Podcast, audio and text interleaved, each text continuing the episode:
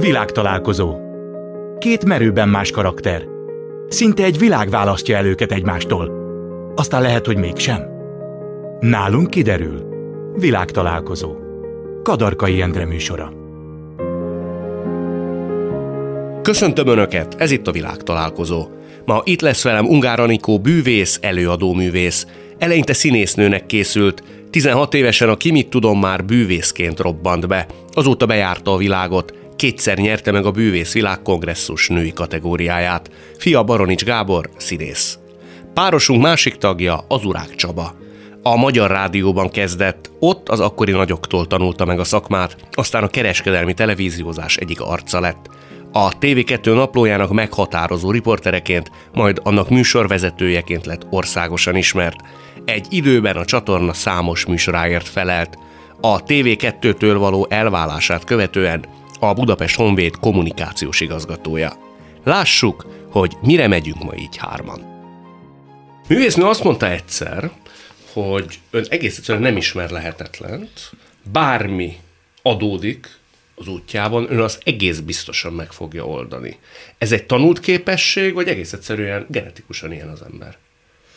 Nem gondolnám, hogy genetikusan. Azt gondolom, hogy szülői neveltetés otthon az, amiből kiindulva a világ felé, vagy az események felé kapsz egy olyan hihetetlen bizalmat, egy olyan jól meglátott gyereket, tehát hogy ők nagyon jól megláttak, vagy, vagy legalábbis én mindig azt szoktam mondani, hogy, hogy szülői felelősség egy gyerekben meglátni a tehetségét valamihez. És én azt gondolom, hogy a szüleim nagyon jól láttak engem, és hihetetlenül felruháztak bizalommal és hittel, és abban, hogy higgyek önmagamban. De egy biztos, hogy az, hogy bármi, az talán nem ennyire korrekt, hanem inkább az, hogy amit én megérzek, hogy az az enyém lehet, na azt bemerem vállalni. De volt olyan, hogy hátrébb kellett lépni egyet, mert erősebbnek bizonyult az az adott helyzet? Biztos, így konkrétan nem emlékszem. Tehát ilyen nagyon nagy csalódásokra nem emlékszem, mert akkor az biztos, hogy eszembe jutna, és most tudnék róla beszélni. De ilyenkor az lép Igen. életbe a kétségbe esés helyett, hogy ezt én hogy tudom megoldani? Ö, nem, van, amikor, és ezt tanult, viselkedés otthonról, hogy ami nem igazán megy jól, az biztos nem is az enyém. Volt az ilyen? Volt, biztos, hogy volt, és akkor nem erőltetem azt. Tehát, hogy én semmiképpen nem akarnék olyat kierőszakolni magamból, amihez én igazán nem értek, vagy nem érzek tehetséget. Ki dönti azt el, hogy az ember érezze hozzá tehetséget? Valamikor megcsalnak a képzeteink, és mi azt hiszük, hogy igen, és a külvilág mondja, hogy nem, és fordítva is van ilyen. Igen, nagyon érdekes a kérdés, de én vagyok olyan pimasz, hogy azt mondjam, hogy én azt megérzem, hogy, hogy az való nekem, vagy sem. A színészet az ilyen volt? Tehát rájött az ember, hogy nem lennék benne igazán jó? A színészet nem volt ennyire exakt elutasítás a részemről, hanem azt hiszem inkább egy sodródás abban, hogy, hogy nagyon korán jöttek a sikerek a bűvészet révén, ami szintén színpadon történt, és tulajdonképpen az a fajta exhibicionizmus és az a fajta világ, ami engem nagyon vonzott a színpadon ott lenni és önmagamból valamit kihozni, az nekem megvalósult. És uh, ugyan az apukám mondta mindig, hogy nagyon érdekes, de hát ez is egy tanítás, vagy egy ő általa, és én ezt, ezt elfogadtam tőle, hogy azt mondta, hogy figyelj, lehetsz te egy tucatból az egyik színésznő. Lehet, hogy jó is lennél. De mágusként lényegében most egyedül lennél nő. És ez nagyon vonzó volt egy olyan embernek, aki exhibicionista. De ma is azt mondja, hogy nem lett volna például korszakos színésznő? Tehát nem ismernénk ennyire őt, ha színésznőséget választja? Hú, merem felvállalni azt, hogy lehet, hogy lett volna belőlem egy egészen tűrhető jó színésznő. A tűrhető és a jó színésznő az már hát más. Azért nem, mert nem merem állítani, mert nem tudom, nem próbáltam ki, fogalmam nincs, de szerintem én azt gondolom, hogy ez a világ, ez az én világom, tehát hogy, hogy nem véletlenül, hogy ott vagyok, hogy hogy azt csinálom, ami, amiben gyakorlatilag úgy érzem, hogy van, van hozzá közöm, és egyrészt könnyedén csinálom, és voltak visszaigazolásaim, amelyek esetleg bizonyíthatták azt, hogy, hogy végül is ez az út, amit választottam, illetve az apukám erre terelt, és én ebben jól éreztem magam, az jó. Nekem a vidékiségem azt gondolom, az, az nagyon sokat segített. Fura dolog ez, mert nekem a feleségemmel két kislányunk van, már nem is olyan kicsik, már kamaszok és egyre nagyobb szájúak, de, de imádom őket és nagyon szeretem őket. Ők pesti lányok. És, és a feleségemmel mindent megpróbálunk nekik megadni. Természetesen, mint minden szülő. De azt szoktam neki mondani, amikor beszélgetünk, meg, a, meg barátaimmal, vagy a családommal esetleg a gyereknevelésről, hogy egy picit félek attól, hogy az én kislányaim nem lesznek annyira éhesek, mint amennyire én voltam. Pont abból fakadom, hogy én egy panel lakásban nőttem föl 53 négyzetméteren, elvált szülők gyermeke vagyok, de nagyon-nagyon jó a kapcsolatom második anyukámmal, édesapámmal a, a, a mai napig, de akkor úgy hozta az élet, hogy, hogy így nőttem föl. Kvázi közösen is neveltek, ugye? Tehát mind a ketten azért oda Persze, rá. Na, na, abszolút, abszolút. Tehát ha van jó vállás, akkor a szüleim vállása talán ennek mondható.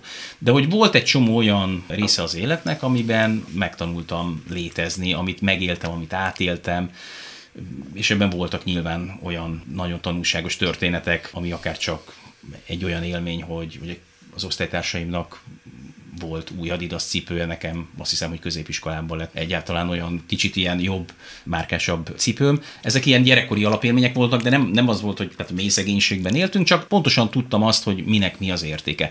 És amikor fölkerültem Budapestre, és először albérletbe, aztán egy kislakásba, aztán mentünk egyre nagyobba, és ahogy jöttek a munkában is a, a lehetőségek és idézőjelbe a sikerek, akkor valahogy máshogy értékeltem, élem meg, mint egy olyan ember, aki beleszületik egy olyan családba, ahol, ahol ő a saját képességeinek megfelelően dolgozik, tanul, megy előre, de mégis mégis sok mindent készen kap. Én ezért mondom azt, hogy nekem a vidékiségem, az a fajta józanságom, hogy a szüleim nyírségből származnak kisfaluból, hogy az unokatestvéreim, a családom egy része az oda kötődik, az ad egyfajta olyan józanságot, olyan erőt, amivel, ami például nem enged elszállni egy budapesti művészvilágban, egy médiavilágban, ahol egyébként hányan elszálltak. Így hallgatalak, hogy, hogy azt gondolod, hogy mindent adsz a gyerekednek, és hogy félsz attól, hogy nem. Én azt gondolom, hogy nem, mert a tanítás, mint hogy te is magad mondtad, amikor ott a, a rádióban, tehát, hogy nem ültettek le és tanították, hogy jobbról balra, és akkor ennyi ennyit és annyit, és akkor,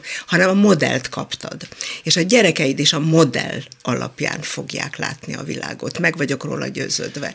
Tehát, hogy, hogy azt a fajta tartás, azt a fajta egészséges erkölcsiséget, ahogy te magad felnőttél, és viszed végig, attól te, hogy még megveszed az Adidas cipőt a gyerekednek, mert a mai gyereknek, a te gyerekednek természetes. Ő nem fogja azt olyan borzasztóan úgy megélni, mert evidencia.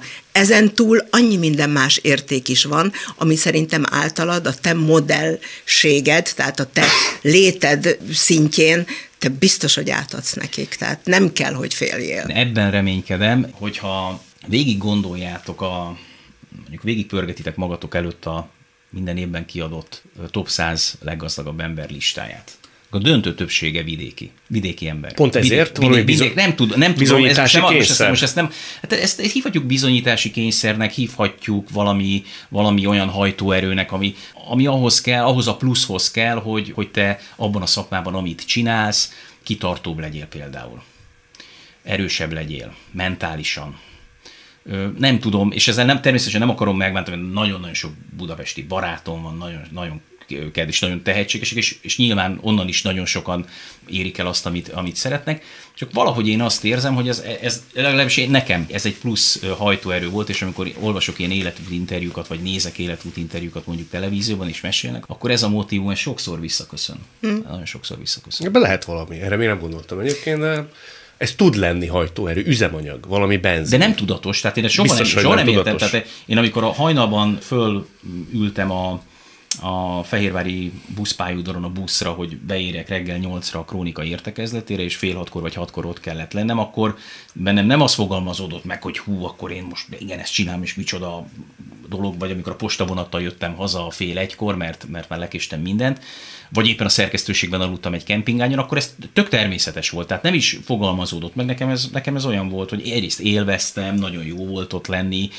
Az újdonság varázsa az, hogy ez az egész közeg, amiről meséltem, az ott lehetett körülöttem. Ez olyan hajtóerő volt, és lehet, hogy azért, mert például nem volt természetes. Tehát rácsodálkozni Budapestre, rácsodál bemenni egy minisztériumba, bemenni a Magyar Tudományos Akadémiára, interjút készíteni a nagy cirkuszban, bárhova, ahol eljutottam, nagyszerű helyekre, meg tök jó dolgokat láttam, csináltam, az, az egy csoda volt nekem.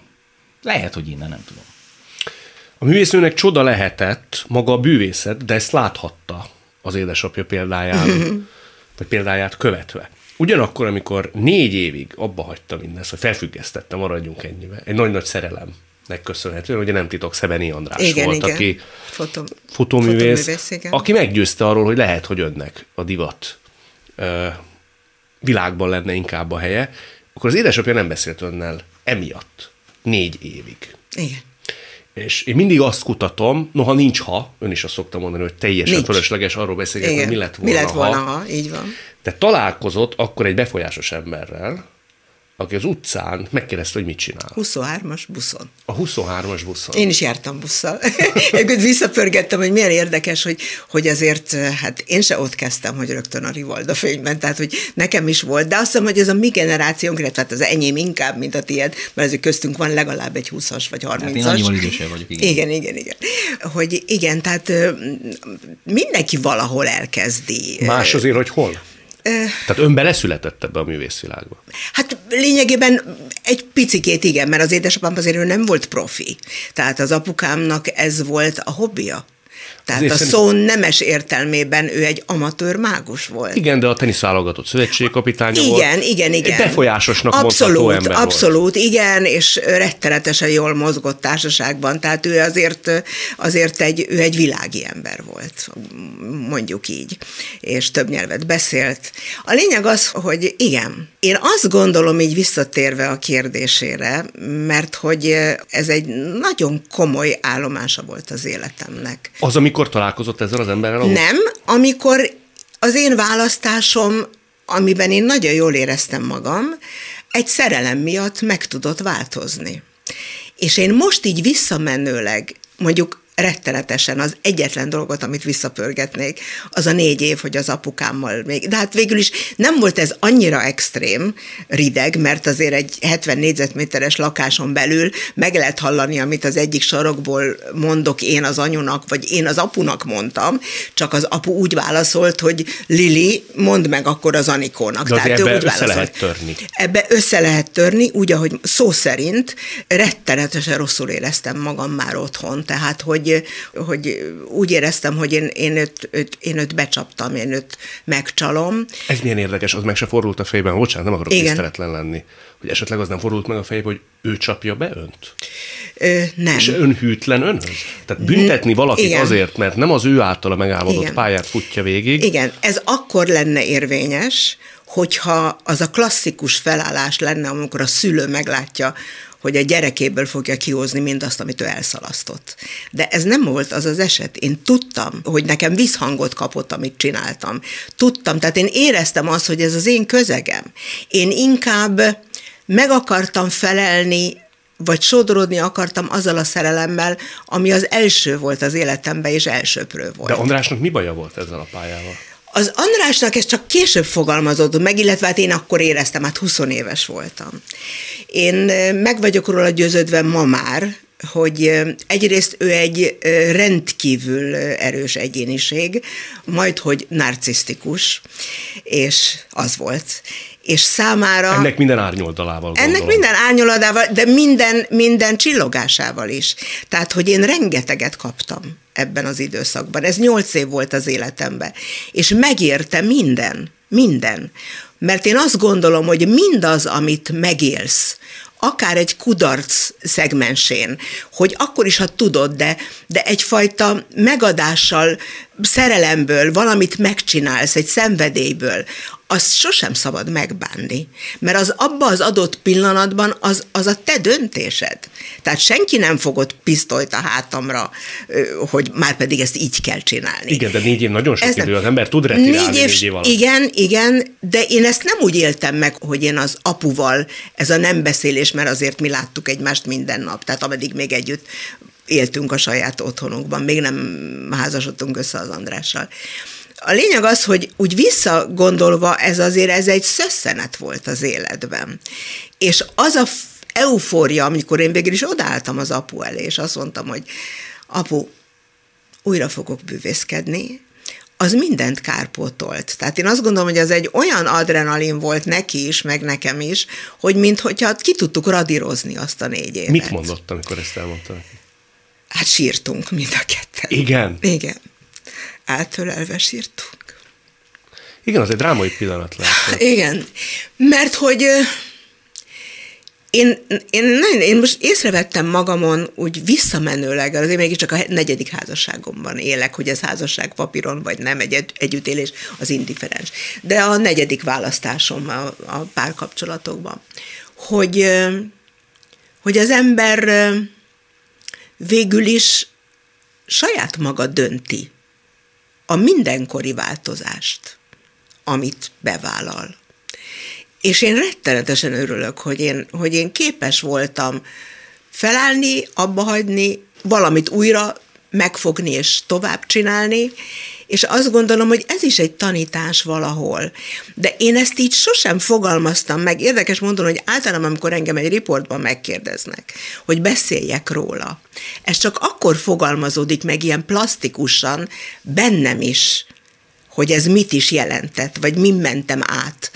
Mert én valahol egy ösztönlény vagyok, rettenetesen hiszek magamba, hiszek a, a, a választásaimba, de felvállalom azt is, amikor, amikor tévedtem, és, és változtatni akarok rajta. Tehát felmerem vállalni azt is. Szeberi András hogy fogadta mindezt?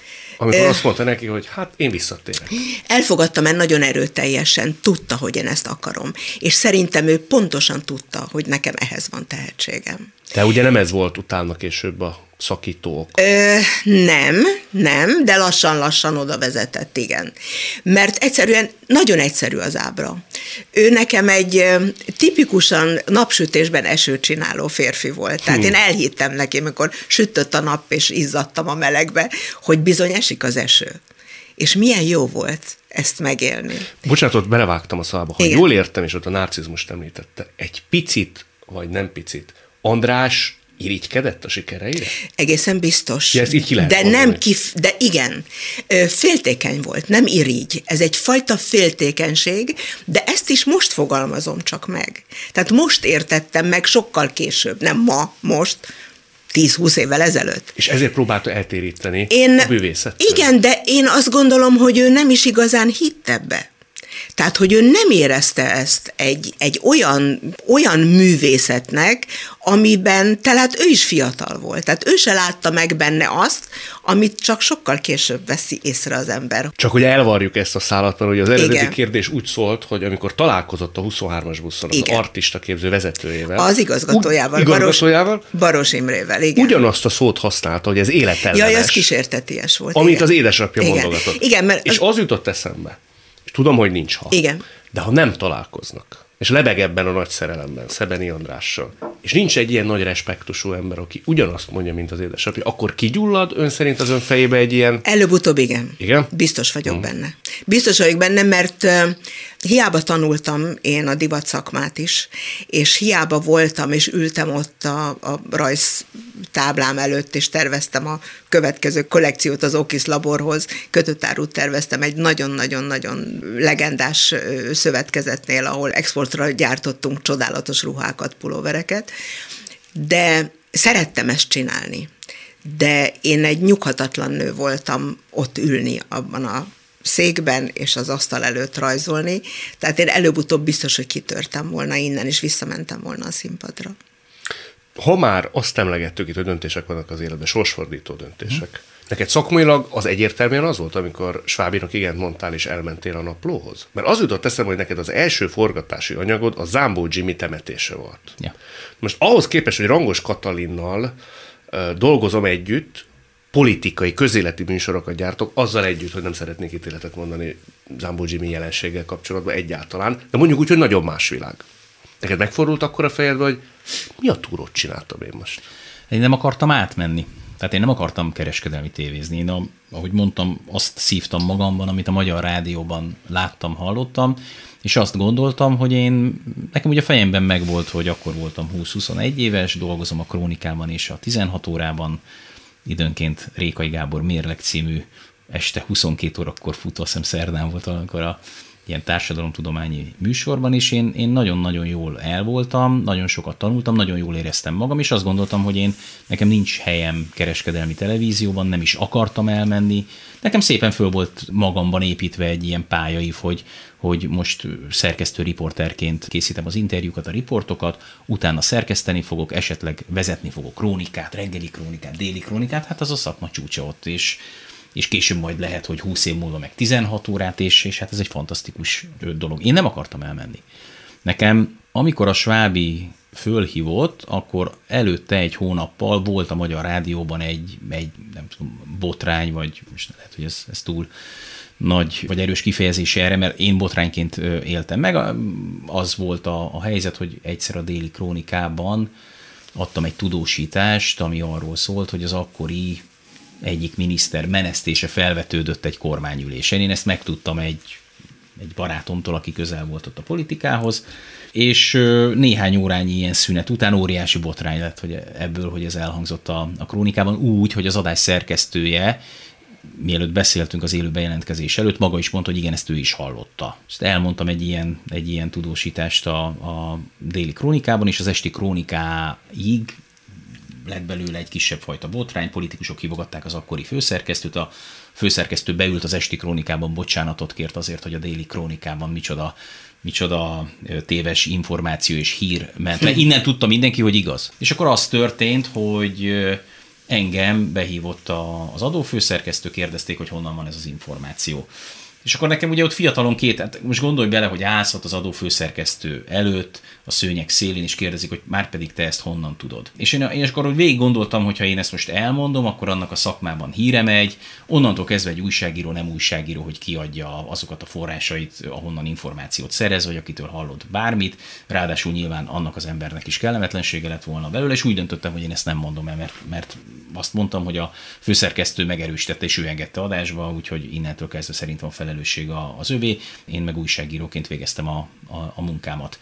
És akkor az volt a, az volt a válasz, hogy jó, oké, rendben van, és lehúztak engem egy listáról, amire nem sokkal korábban fölkerültem, hogy belsős munkatárs lehettem volna a Magyar Rádióban, ami óriási rang volt. Tehát az azt jelentette, hogy nem számlázol, rendes fizetésed van, fizetett szabadság, kapsz telefont, akkor még laptopok nem voltak, de hogy belsős, Magyar Rádiós, belsős munkatárs lehetsz. És én ott voltam azon a listán, azt hiszem, hogy egy hónap vagy két hónap választott el, és erről engem lehúztak. Tehát, hogy kiúzták a nevet emiatt. És én ezt, azt, azt borzasztó igazságtalan dologként éltem meg, hogy, hogy, hogy ilyen előfordulhat, az egy nagy csalódás volt nekem, hogy, hogy, hogy azért, mert az ember végzi a munkáját, és akkor éreztem meg először, hogy milyen, amikor a, politika, a közélet egy picit úgy, úgy odasuhint, úgy, úgy, hogy működnek ezek a dolgok. Ez is óriási tapasztalás és tanulás volt, és ebben a lélektani helyzetben kaptam a telefont a Svábi Andristól, hogy elóazú, nem szeretnél átjönni naplózni, így beledörmögött a telefonba, és akkor, és akkor azt mondtam, hogy oké, okay, most van az a helyzet, amikor, amikor itt azt mondták, hogy én nem kellek belsős munkatársnak, akkor kezdjünk el egy másik fejezetet, és akkor beleugrottam a legmélyebb bugyrába, ahogy mondott. Tehát nekem... De a Magyar Rádiónál például nem tartóztattak?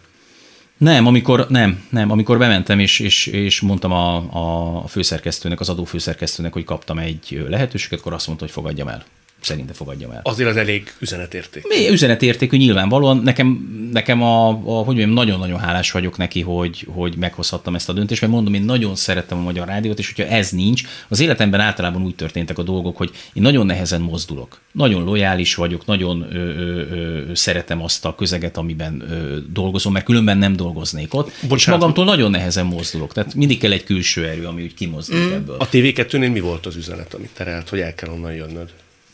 Hát ugye ez, ez még relatíve friss, mert ez egy ilyen három éves történet. Szerintem így a, a, hogy mondjam, így eufemisztikusan így elfáradt a, a, a kapcsolatunk. Hát a, a TV2-nek sem ilyen típusú mm, újságírókra volt vagy van szüksége, és nekem se valószínű ilyen típusú televízióra vagy, vagy médiumra van szükségem, és ezért nem is csinálom. De, ha jól sejtem, bocsánat, a küszöbre nem vetette magát egyetlen TV2-s vezető sem, amikor el akartál jönni.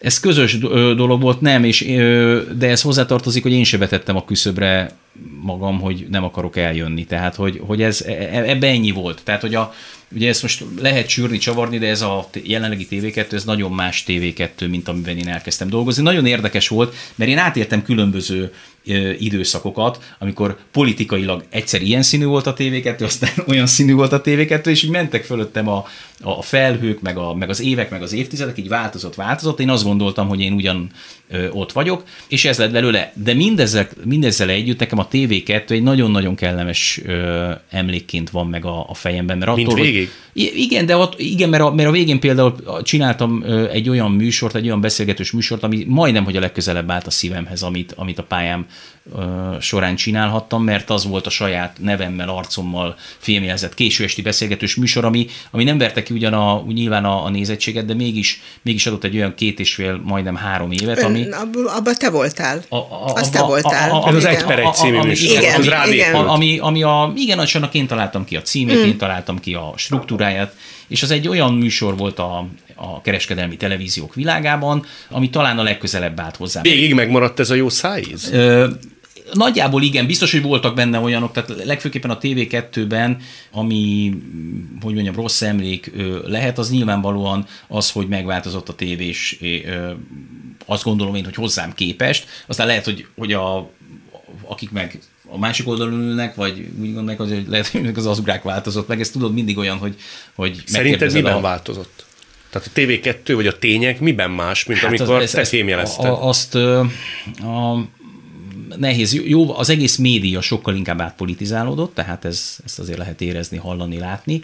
Ö, nagyon keveset, ö, nagyon keveset teszünk azért úgy ámblok, hogy, hogy, hogy beszélgessünk egymással. Kiveszett az értelmes párbeszéd, kiveszett a, a kompromisszumokra, a konszenzusokra, a megoldásokra törekvő beszélgetés. Kicsit elveszett a, az értelem, kicsit az a fajta ö, ö, ö, szenzációhajházság és, és és ettől félted a gyerekeid?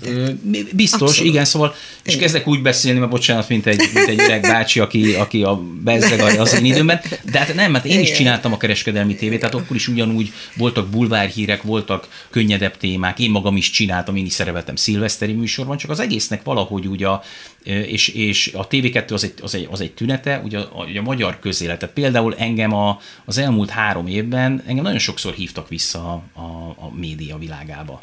Tehát én kaptam, csatornától? Én, én, én kaptam országos tévécsatornától, rádiócsatornától, másik tévécsatornától, politikailag ezen az oldalon és politikailag azon az oldalon állótól is. Tehát ez ilyen szempontból egy jó visszajelzés. Mit kellett volna csinálnod? Azt, amit csináltam, hogy nem jövök vissza egyelőre, de nem azért. Nem mert, úgy értem, tehát, hogy, hogy híradót, ja, híradót beszélgetned kellett Bármi, volna. tehát körülbelül bármi, de nagyjából közéleti műsort, amit én, én, én szerettem volna. Bocsánat, azt hittem, hogy arra kérdezel rá, hogy, hogy mi lett volna a helyes döntés. Én azt gondolom az, amit, amit Miért? hoztam. Azt elmondod nekünk? Igen, hát nagyon egyszerű, mert szerintem a mai médiavilágból kimaradni sokkal jobb, mint benne lenni. És nem bántom, hogy rengeteg barátom, kollégám van, akik, akik jól csinálják, és, és, és tök jó, hogy működik, és nagyon sok értékes sziget van de valahogy az egész médiának a, a, a közege az most olyan, hogy, hogy szerintem egy picit jobb nem benne lenni. És lehet, hogy már soha nem fogok a médiában dolgozni, lehet, hogy néhány év múlva fogok majd a médiában dolgozni. Egy biztos, hogy ilyen hiányérzet az nincs bennem. Én jól gondolom, hogy a művésznő perfekcionista? Igen, igen, mondhatni, és a szakmám egyre inkább afelé tanított is, illetve beidomított engem, úgyhogy a privát életben is gyakorlatilag... Ezt akartam kérdezni, mert igen, azt én értem, igen, hogy a színpadon ott nem igen, lehet igen, nem lehet tévedni, ott nem, igen, nem, nem, nem, nem, percre, nem, másodpercre Abszolút, pontosan. abszolút, és igen. Te jön a magánéletbe is, ugye? Igen, mert gyakorlatilag, igen, hát azért, azért ez, ez azért 55 év, amit én a bűvészettel összefonódva végigéltem, és a színpadon, és az a pillanat, az a fél óra, húsz perc, egy óra a színpadon, az a fajta hihetetlen koncentráltság, amivel én tudom, hogy én egy illúziót kell, hogy elhitessek a közönséggel, akkor is, hogyha egy picit néha kikacsintok egy mosolyjal, vagy egy, egy, egy olyan emberi természetes attitűddel, hogy azért ne higgyék azt, hogy én egy ilyen emberfeletti mágus ügyként csinálom ezt, hanem ez egy játék. De annyit elárulhatunk, Igen. hogy még a felvétel előtt jelezte a művésznő, hogy ha lehet, kaphatna egy poharat. Annyira tudtam, hogy ezt ja, mondani igen. fogod, de jó, hogy mondod. Igen. Mert uh, nem illik egy nőnek, mondta ön, hát, üvegből inni. Igen. És az jutott eszembe, hogy az ilyen, az nem, nem békjózza az embert? Nem. Ez a fajta... Nem, nem, nekem ez természetes, én ezt nem, ez nem egy felvett szokás. Abban én biztos vagyok. Én ebbe születtem bele. Én egy csészét alja nélkül nem szeretek, mert az egy, az egy design rombolás. De Tehát mit érez olyankor, hogyha meg kell? Mondjuk? Diszonanciát, kényelmetlenséget, nem komfort, nem tudom elmondani, de én azt gondolom, hogy mivel hogy tudom, hogy ezt itt, de akkor sem innék ebből az üvegből két férfi jelenlétében sem, mert én kívülről is látom magam, meg azt gondolom, hogy az embernek van egy vele született tartása és, és etikája, ami egy biztonságot ad egy embernek. Ha lát olyat, aki nem így jár el, mondjuk mert nem Igen. volt olyan neveltetése, az dühít is, nem, nem, nem, egyáltalán nem. Ha módon van rá, vagy, vagy, vagy olyan a helyzet, hogy, hogy úgy érzem, hogy tudnék ezen segíteni, és érzem azt, hogy ő ezt megengedné, sőt, örülne neki, akkor én ott oda mondom is, hogy az mennyivel szebb. Az kell, hogy történjen, hogy a másik kérdezze, vagy e, ön érezze azt, hogy... Nem, én nem, én nem, nem, én nem, nem, nem én egy elfogadó ember vagyok, én nem szeretek rá oktroálni, erőszakolni senkire semmit. Mindenki úgy érzi jól magát, ahogy érzi magát, és ő, neki az a természetes, akkor legyen neki az a természetes. Nem, egyáltalán nem kell, hogy nyitott legyen arra, hogy én ezt elmondjam, de akkor boldogan mondom. Boldogan mondja. Igen. Azért hallottam egy történetet, hogy az egyik nevelt fiú SMS-ben megkérdeztem tőle, pedig már nagyfiú volt, Igen. 20 valahány éves, Igen.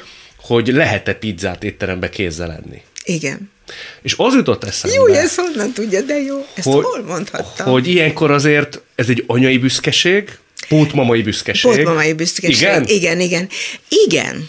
Én azt gondolom, hogy igen, de különösen ennél a fiúnál, mert hogy ő volt a legnehezebb kihívás nekem. Ilyen tekintetben, vagy minden vonatkozásban? Minden vonatkozásban. Ez egy rendkívül érzékeny, szeizmografikusan érzékeny hallatlanul intelligens, nagyon-nagyon tökéletes ember. Mondjuk egy csak két mondatban, ez a Igen. negyedik házasság. Ez a negyedik házasságom. Ott ugye négy fiú Igen, volt. négy fiú, két kicsi. Két kicsi, két nagy. Ahol Igen. én két évre rájöttem a családba, amikor is az édesanyjuk 36 évesen elment nagyon komoly betegségben, és itt maradt egy kettő és egy négy éves kisfiú, a 13 és a 15 mellett, ami egy előző házasság volt. Tehát a férjemnek is én vagyok a negyedik uh-huh. feleség, és ez a harmadik feleség volt, aki, aki sajnos nem tudott tovább itt maradni, mert nagyon beteg volt, és, és a két kisfiú az négy és hat évesen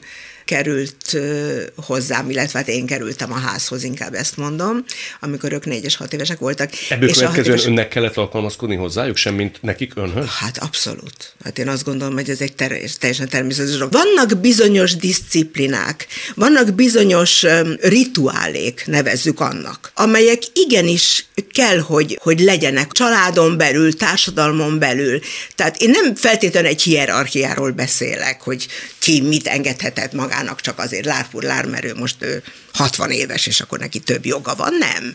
Hanem egy családon belül kell, hogy legyen egy olyan érzés, hogy, hogy Látja, nem is nagyon nehéz nekem ezt megfogalmazni. Formára gondolom. Szereti, ha mindennek megvan a formája és a kerete. Nem? Hát igen, de inkább én azt gondolom, hogy ez egy, ez egy színes világ, egy rituálé, aminek van egy, egy, egy meséje, egy játéka, egy világa, ami csak nálunk van otthon a családban. Tehát ez ahonnan Mo- kiindulsz, egy kájha. De mond egyet, amire mondjuk lehet, hogy rácsodálkoznánk, hogy egy kamerával betekinthetnénk, hogy önöknél látszólag szokatlanul hogy néz ki valami szertartásosan. Ami másnál nem biztos, hogy Nem annyira szertartás. Nem? Nekem ez természetes, hogy amikor mi ülünk az asztalnál, hogy természetesen, hogyha mondjuk baráti társaság van, akkor én annak a nőnek kínálom először az adagját, aki a, a legidősebb.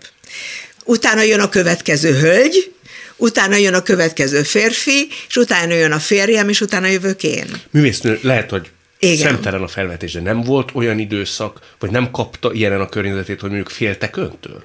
Úgy elsőre van önben egy ilyen szigor, egy elvárás, ami mm. nekem nagyon imponál, mert én is szeretek a formára adni, de vannak olyan emberek szerintem, aki egy picit elbizonytalanul. Lehet. Bizonytalan magában. Lehet, mondjuk. biztos. Én nagyon megosztó személyiség vagyok. Igen? Igen, Ezt én azt gondolom. Én azt gondolom, hogy igen. Nekem van egy, egy biológiai gerinctartásom, van egyfajta attitűdje annak, ahogy én megjelenek, ahogy én mozgok. Én ezt nem csinálom, én ilyen vagyok. Én ez vagyok. De ebben nyilván benne van az, amit én otthonról hoztam azért az én édesanyám egy osztrák családból származik, tulajdonképpen egy nagypolgári család, ahol francia tanító volt, vagy nurse volt a, a családban, ahol ők zongorázni tanultak. Tehát megpróbálták azt a, azt a ugye az 1800-as évek vég, 1900-as évek eleje. Anyukám 1911-ben született. Tehát akkor még nagyon aktuális volt az a fajta otthonteremtés és neveltetés, bizonyos polgári milliókben, ahol ezt meg lehetett tenni. És ez tehát nekem természetes, ugyanúgy, ahogy a csészének van egy alja, ugyanúgy, hogy én nem iszok egy, egy üvegből bárhol, vagy akár. Tehát én azt gondolom, hogy ez iszom otthon, persze. Nagyon Otthon szívesen. Iszom. Igen, igen, ja. igen. Endre, azért azt tudjuk már meg, hogy most szabad akkor pizzát tenni evőeszköz nélkül az étterembe, vagy nem? Mert szerintem, nem. szerintem te is ettél már igen, pizzát. Igen, igen. Én is ettem már igen. pizzát kézzel, de nem. Nem, nem. én azt gondolom, hogy lehet, tehát attól függ, hogy milyen étterembe vagy. Tehát ha egy pizzériába vagy, vagy akkor nyilván, na, sőt, én a Sofia Lorentől tanultam meg pizzát tenni, amikor is fel kell szeletelni ugye ilyen tortaformákra a szeleteket, össze kell hajtani, és így kell enni a pizzát. Igen, Sofia Loren szerint. De nyilvános helyen? Lehet, igen. Tehát egy pizzériába igen.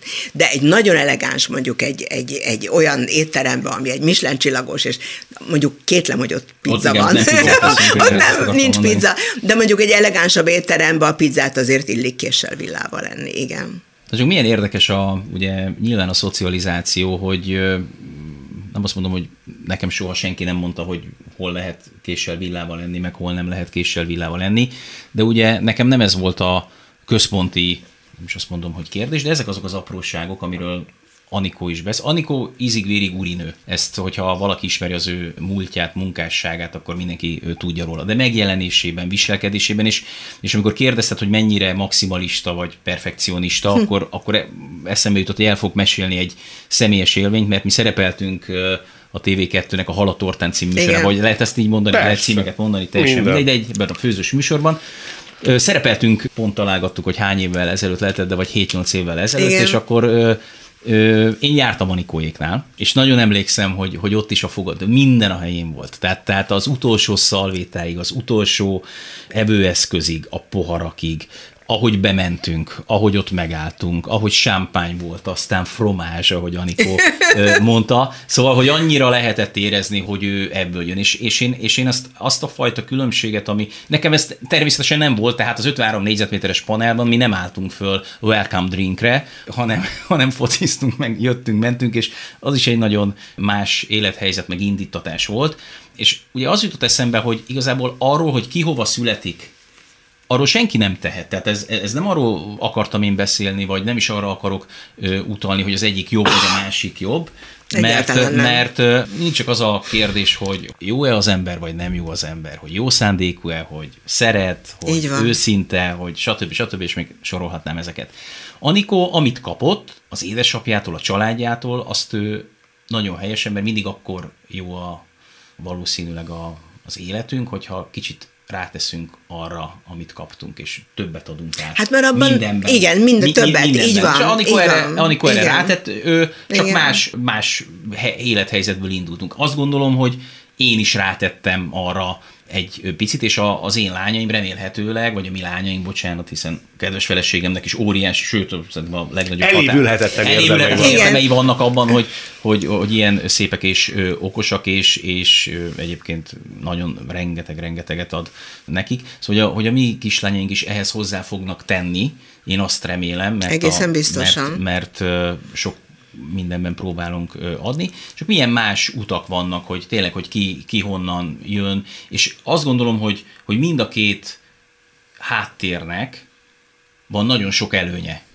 Mert annak is nagyon sok előnye van, és amit én hozok, annak is nagyon sok előnye van. Igen, de azért ehhez hozzátartozik, hogy azért, azért mi egy szocializmusban nőttünk fel. Tehát az édesanyám átjött Magyarországra, és azért mi, tehát hozzá kell tenni, hogy én nem mindig a damaszt asztal körül kergetőztem, és tehát, hogy nem így van. De volt olyan, hogy volt, ha nem is inséges, de... Ne, hát, hát mi Csepelen, én, én Csepelen nőttem fel. Tehát gyakorlatilag a háború után, én 49-ben születtem, ugye gyakorlatilag négy évvel a, a, a, a háború befejezése után, és, és elindult egy új élet, és az édesapám a nulláról kezdte. Tehát ő, ő neki az egész családja ö, ö, gyakorlatilag ö, Auschwitzba maradt. Tehát, hogy ő, ő, ő, ő egyedül élte meg, és az anyu volt az egyetlen, aki még megvárta őt a négy év munkaszolgálat után, és itt volt, és megmaradt, és élt. Négy évet várt rá? Négy évet várt rá, igen. De egyébként 37 óta, 36 óta ismerték egymást. Az anyu Gráci, az apu szombathelyi. És honnan tudtam mama, hogy hazajön? Bízott benne? Pusztán ez volt a... Igen, én azt gondolom, hogy ő hitte azt, hogy a Pista hazajön. Igen. Hm. Egyébként az Örkény Istvánnal volt munkaszolgálatos, úgyhogy ők ott például rengeteget tanultam abból, és ezt azért kell, hogy elmeséljem, mert hogy az, hogy én egy csészéből, tehát ez egy, ez egy, ez egy rituálé, hogy egy, egy csészének az alját, tehát azt úgy illik, vagy én egy pohárból, vagy egy, egy például nem iszom bögréből kávét, vagy, vagy mm. bort.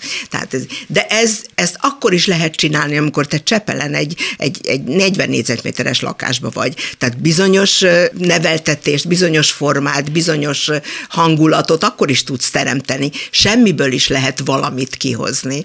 És én ezt tanultam a szüleimtől. Izraelben is így éltek? Ugye öt évet voltak. Igen, igen, igen, igen, igen, igen, igen. Hát az is érdekes volt, igen, igen. Tehát, hogy, hogy az apu ugye hazajött munkaszolgálatosként négy év Tambov szörnyű, szörnyűségéből, és túlélte, de úgy élte túl, hogy tulajdonképpen a három nyelv tudásával 8-9-et blöffölt, mert azt mondta, hogy ő tolmácsolni fog, és tolmácsolt is. Na egyébként ezt a fajta pimasz merészséget, hogy az élet szélsőséges helyzeteiben mit választasz, hogy mire vagy képes, ezt is tőle tanultam. És tudom, hogy milyen nyomorúságból jöttek, hogy, hogy, pap, hogy újságpapírral volt zokni helyett bebugyolálva a lába, és lefagy kifagytak a lábujjai, és később úgy teniszezett, hogy nem voltak jók, csak fél lábujjai voltak, és ennek ellenére egy jó teniszező volt.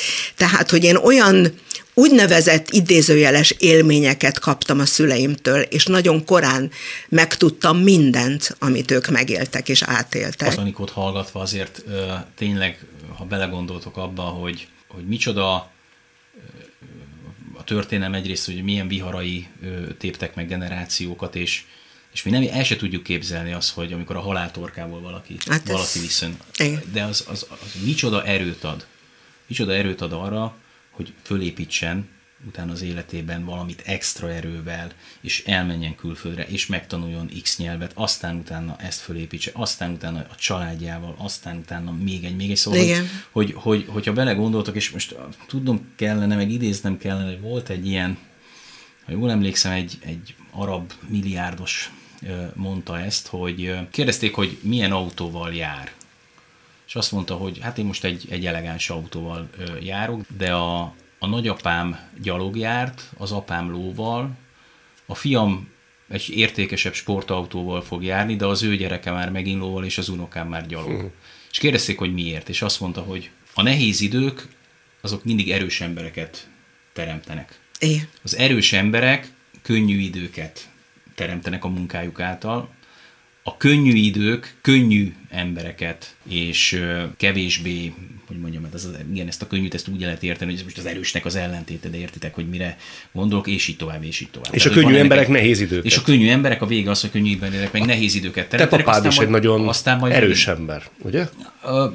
Hála Istennek, igen, de most bocsánat, nem azt igen. a párhuzamot szerettem volna, csak amit Anikó mesél, és megint olyan megdöbbentő az egész, és tényleg az, hogy a, hogy, hogy, hogy el sem tudjuk azt képzelni valószínűleg. Én mindig, amikor ilyen történeteket hallok, olvasok, megnézek, amikor beleszaladtam megint a este 11 óra körül a Schindler listája című filmbe végignéztem, három órás film, vagy három és fél órás biztos hogy lát, tehát elké, hát az egészen elképesztő, hogy mennyire átértékel. És hogy mind múlik ember élet. Igen, és hogy, hogy, hogy, hogy tényleg én nagyon sokszor szoktam azon gondolkodni, hogy, hogy, hogy szóval mi problémánk van nekünk az életben. Hmm. Tehát, hogy tényleg az a legnagyobb problémánk, Igen. hogy most persze mindig az aktuális a legnagyobb, de hogyha összehasonlítod az előző generációk problémáival, akik, akik háborúkon, diktatúrákon, éhínségen ö, mentek keresztül, amikor mindennapos élmény volt a fizikai veszély, akkor, akkor el se tudjuk azt képzelni, hogy nekünk milyen kibélelt életünk van, és hogy mennyire hálásnak kell lennünk azért, hogy idézőben csak az a legnagyobb problémánk, hogy most a, a fizetésünk ennyi vagy annyi, hmm. vagy hogy meg tudom, vagy hogy a benzinára most elszállt, igen, vagy igen, nem szállt igen. el. Tehát te tényleg ö, elképesztő. Hát az embert azért helyre teszi szerintem ö, a történelem. Én bocsánatot kérek, hogy ide, tehát hogy gyakorlatilag ilyen szomorú, de hát ez is az élet tartozéka. Én azért is akartam ebbe, mert, mert hogy vannak emberek, akik engem tényleg csak úgy látnak, hogy úristen, hát a pizzához hozzá nem érek, és uh. tehát, hogy azt akartam ezzel jelezni, hogy én azért, én egy olyan családból jövök, ahol azért komoly megpróbáltatások és élethelyzetek voltak, ahol élet és halál küszöbén voltak a szüleim, és ez is csak azért érdekes, és hogy, hogy említetted, hogy Izraelben éltünk öt évet, az azért volt, mert amikor az 56-os események voltak, ugye, akkor az izraeli család része, illetve hát az osztrák család, az édesanyám megmaradt családja, hívott minket, hogy mit keresünk még itt forrongó Európában, hogy minek, minek, hogy legyünk mindannyian együtt. És akkor mi kivándoroltunk teljesen legálisan. Tehát apám visszaadta azt a lakást, amit ő kapott az államtól, visszaadta, és kimentünk legálisan abszolút kivándorló család egyes, egyesítés címén. És az apu nem találta a helyét. Hm. Tehát az apu, és azért mondom ezt erőteljesen, mert sokan azt gondolják, tehát borzasztó az, hogy, hogy, hogy, hogy teljesen hamis képeket látnak bizonyos embercsoportok, nem is csoportok, hanem bizonyos emberek, hogy, hogy az apukám azért jött haza, mert hogy ő, ő magyarabb volt a magyarnál. És ezt azért hangsúlyozom, mert szokták azt mondani, hogy a zsidók nem magyarok. Hát mik, ha nem magyar zsidók? Az, hogy egy, egy, egy vallás, az nem kell, hogy elválasszon a, nacionalid, a, a nacionáléttól, tehát a, a nemzetiségettől, hogy te hol születtél. A másik pedig az, hogy az apu egy olyan országba vágyott vissza, ahol az a bizonyos politikai rendszer, ami akkor volt, az negligálta az ő családját, és tulajdonképpen segített abban, hogy kiírtsák őket. Nagy és segítséggel. És ebbe az országba jött vissza az apu. Tehát, hogy micsoda emberi nagyság kell ahhoz, és én ezt, ezt is csak később fogalmazódott meg bennem, sokkal később, 40-50 évesen, hogy, hogy milyen nagy formátumú ember volt, aki, aki, aki felmerte vállalni, és azért talán genetikailag is, vagy modellként én is felvállaltam minden egyes változásot, amit felvállaltam az életembe, ezt is most először fogalmazom meg ezt a gondolatot itt magának, hogy, hogy ő hazajött, és, és mert újra kezdeni, nem tudom, hanyatszor az életébe. És albérletben laktunk, és nem igazán luxus körülmények között semhogy. Fürdőszoba se volt jóformán. Egy fürdőszobában volt egy zuhanyozó és egy lavor, amiben a kútból hoztuk a vizet, de én akkor is csésze aljával ittam hmm. a teját. Tehát, hogy ezek a bizonyos emberi tartások, morálok, erk, tehát az erkölcs, a, a, a, az élet színessé és, és, és, és, és, és hangulatossá varázsolása, az ezekben a kis apróságokban rejlik. Tehát azt gondolom, hogy, hogy ezek is túlélési, vagy bizonyos helyzetekben az ember felül tud emelkedni, és, és, és, és emberi emberi finomságokat megérezni, akkor is, ha hiánya van sok mindenben. Tehát én azt gondolom, hogy én azért ragaszkodom ezekhez ösztönösen, mert, mert ezek az én gyökereim. Hm. És én ezeket szívesen adom tovább.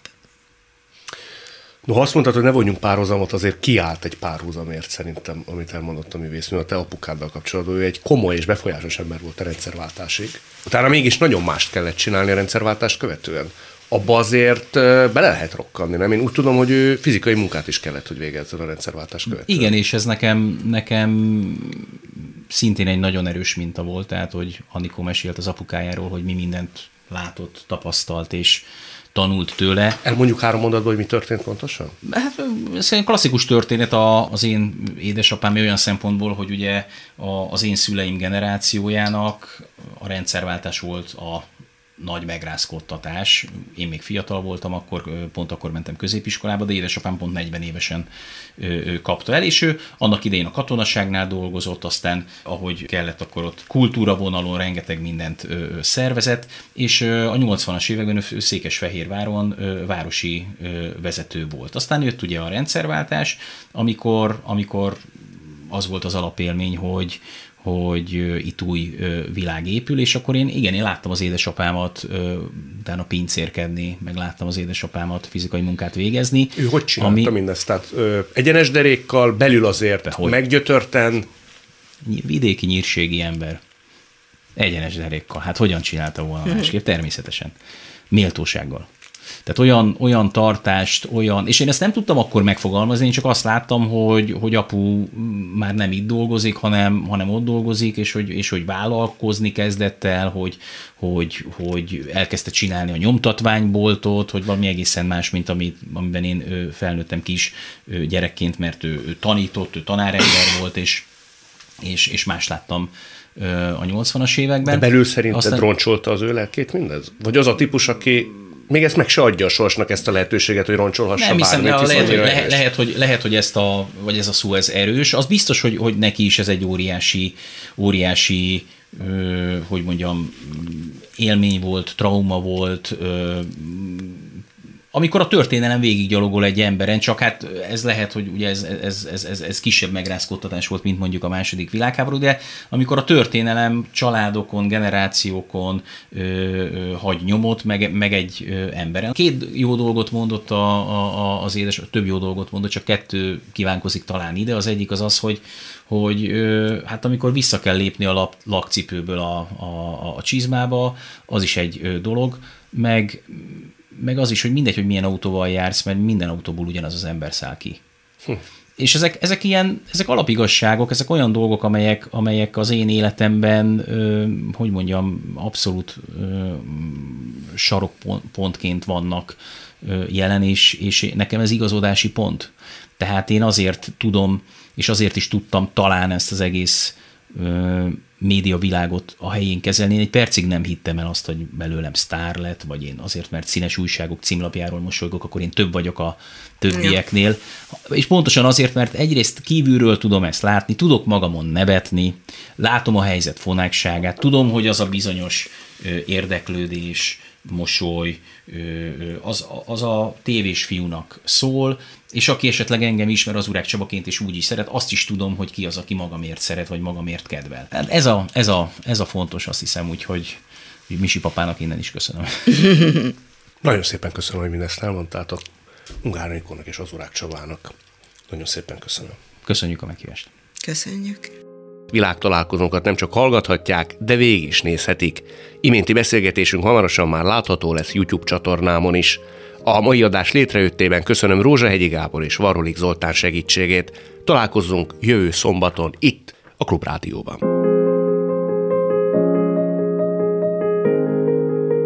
Jövő héten ugyanebben az időben két új világot, két új karaktert mutatunk be önöknek.